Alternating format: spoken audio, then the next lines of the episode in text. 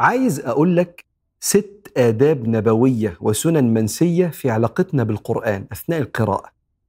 كلهم مش مرتبطين بصحة القراءة يعني أنت لو ما عملتهمش قراءتك صحيحة ومقبولة إن شاء الله. بس لو عملتهم هتنتفع أكتر بكتاب ربنا. يعني في اتنين قاعدين بيقروا جنب بعض القرآن نفس كلام الله. واحد متأدب بالآداب النبوية والتاني ممكن يكون يعني إيه فوتها سابها. المتأدب هو أكثر استقبالا للمعاني لأن الأدب سر الانتفاع.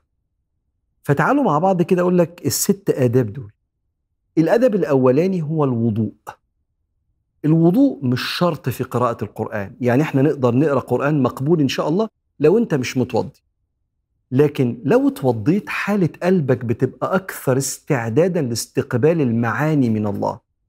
فتوضى لو تقدر. ولو ما تقدرش اقرأ بس لو تقدر يبقى اقرأ القرآن على وضوء. الأدب الثاني هو استقبال القبلة. الإمام السيوطي في كتاب الجامع بيروي حديث عن النبي عليه الصلاة والسلام خير المجالس ما استقبل فيه القبلة. أحسن جلسة تقعدها اللي صدرك ووجهك فيه لقبلة ربنا.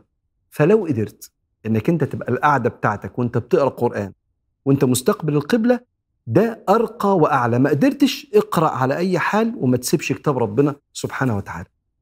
الأدب الثالث والسنة الثالثه إنك أنت تغسل سنانك قبل ما تقرأ قرآن. لأن الملائكة تبقى قريبة منك جدا. والملائكة بتنجذب وتفرح من الحاجة اللي بتفرح البني آدمين. وسيدنا النبي قال وإن الملائكة تتأذى مما يتأذى منه بنو آدم.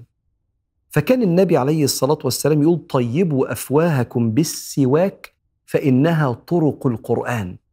ما هو القرآن بيمشي من قلبك وحنجرتك على فمك عشان يطلع. فطيب فمك وده سنة وأدب من الآداب النبوية.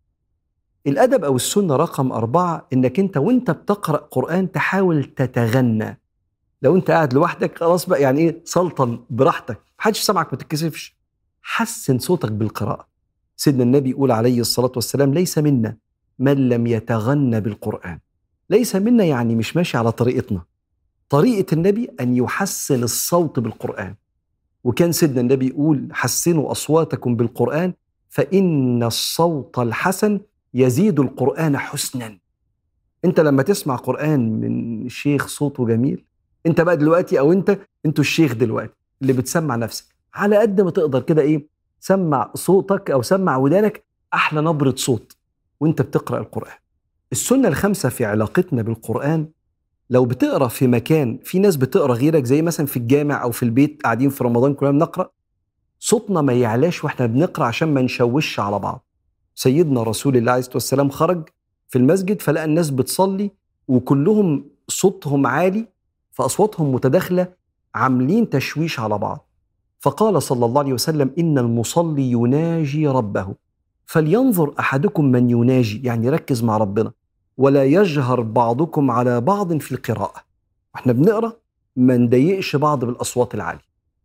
أما السنة الأخيرة وهي إنك لو نعست وأنت بتقرأ توقف وابقى كمل بعدين.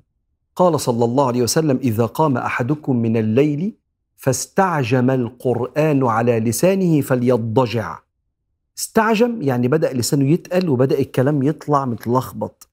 قال لك ما تكملش. لو بتقرأ قرآن وأنت مش قادر بتسقط كده وقف وبقى كمل بعدين لما تبقى فايق أكتر عشان حتى تنتفع بالقرآن ما يبقاش الهدف إنك تخلص الصفحات وخلاص. دول كانوا ستة من الآداب النبوية والسنن المنسية عند قراءة القرآن.